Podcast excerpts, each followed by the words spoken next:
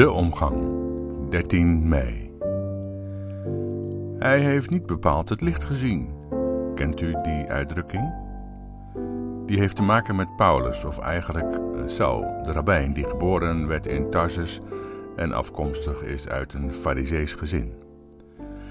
En zijn ouders, Farisees, hebben hem als jongetje naar Jeruzalem gebracht om hem een goede en gedegen opleiding te geven. Nu is hij uh, rabbijn en behoort hij tot de Fariseeën. En op weg naar Damascus blijkt Saul, om zo te zeggen, geradicaliseerd. Fariseeën waren toegewijde Joden die in de tijd van de ballingschap en van de wrede Griekse onderdrukking daarna, bekend onder de naam Hellenisme, ervoor geijverd hebben dat het Joodse volk een eigen identiteit zou bewaren en niet zou vergrieksen door de Torah te bewaren en in ere te houden en Pesach te blijven vieren. En wat mogen wij, die Fariseeën, dankbaar zijn dat zij dat gedaan hebben. Anders had het hele volk Israël niet meer bestaan en dus ook niet de Messias van Israël en de Torah en Pesach, Pasen. Maar op een gegeven moment was de overheersing van de Griekse cultuur zo enorm gewelddadig en verwoestend geworden, onder de Romeinse bezetting namelijk, van de keizer in Rome, dat er een radicale afsplitsing ontstond, uh, waarvan de leden ervan overtuigd waren dat er meer nodig was dan trouw aan de Torah. De Romeinen moesten met geweld het land uitgejaagd worden, anders zou er opnieuw niets van Israël overblijven, nog minder dan die walmende vlaspit. En zo heeft Saul zich aangesloten bij een afsplitsing van de partij der Fariseeën en die noemde zich de ijveraars, de zeloten. En Saul meende zijn God trouw te zijn door iedereen die die zelotische opstand tegen de Romeinen in de weg stond, uit de weg te ruimen, goedschiks dan wel kwaadschiks. En nu, op weg naar Damascus, gebeurt er iets, iets waarvan sommigen zeggen dat hij het licht zag.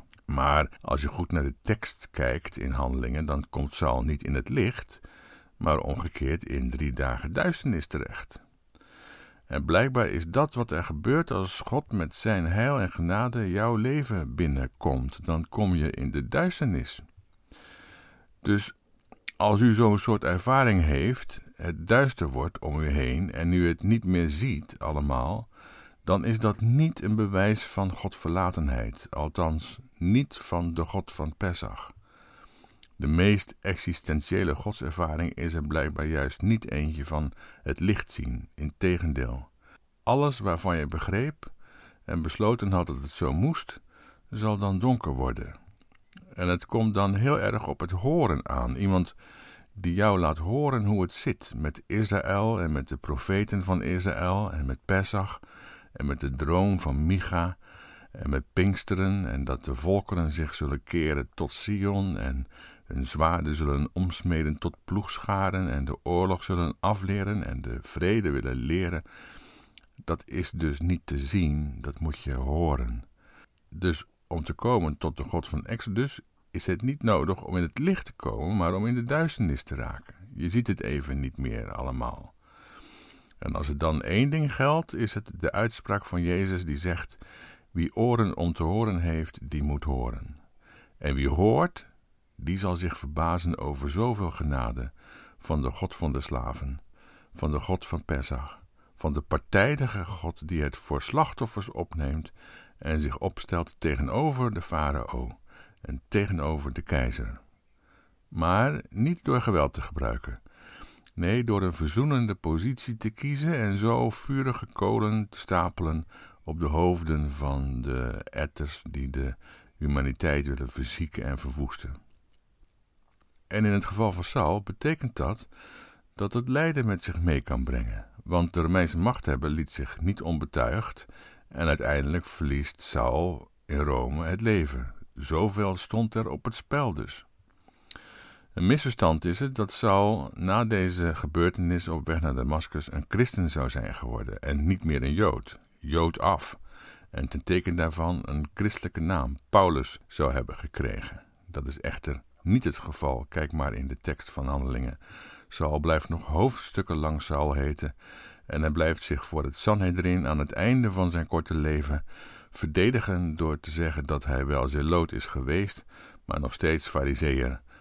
En dat hij terecht staat om de hoop, dat wil zeggen om de opstanding, de opstand tegen alles wat in strijd is met de Torah betekent dat. Dat is een typische fariseese overtuiging. En de fariseeën in het Sanhedrin, die minder sterk vertegenwoordigd waren dan de Sadduceeën, die geen opstand tegen Rome wilden, die fariseeën zeggen, deze man doet niets verkeerd. Wat hij zegt vinden wij goed farisees. Paulus is dan ook niet een christelijke naam, maar gewoon de Griekse equivalent van de Hebreeuwse naam Saul, die hij gaat gebruiken of die wordt gebruikt als hij zich meer internationaal gaat bewegen, zeg maar. Net zoals Jezus de Griekse equivalent is van Joshua, want zo heette hij uiteraard, Joshua van Nazareth.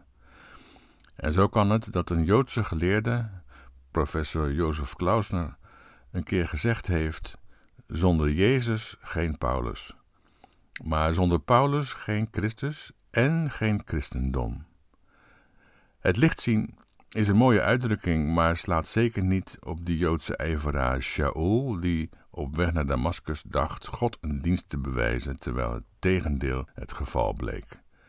We komen in deze podcast nog wel vaak op Paulus terug, denk ik. Dus gaandeweg zullen de dingen rondom deze wonderlijke man steeds duidelijker worden. Op dit moment eerst maar weer hartelijk bedankt voor het luisteren en tot morgen.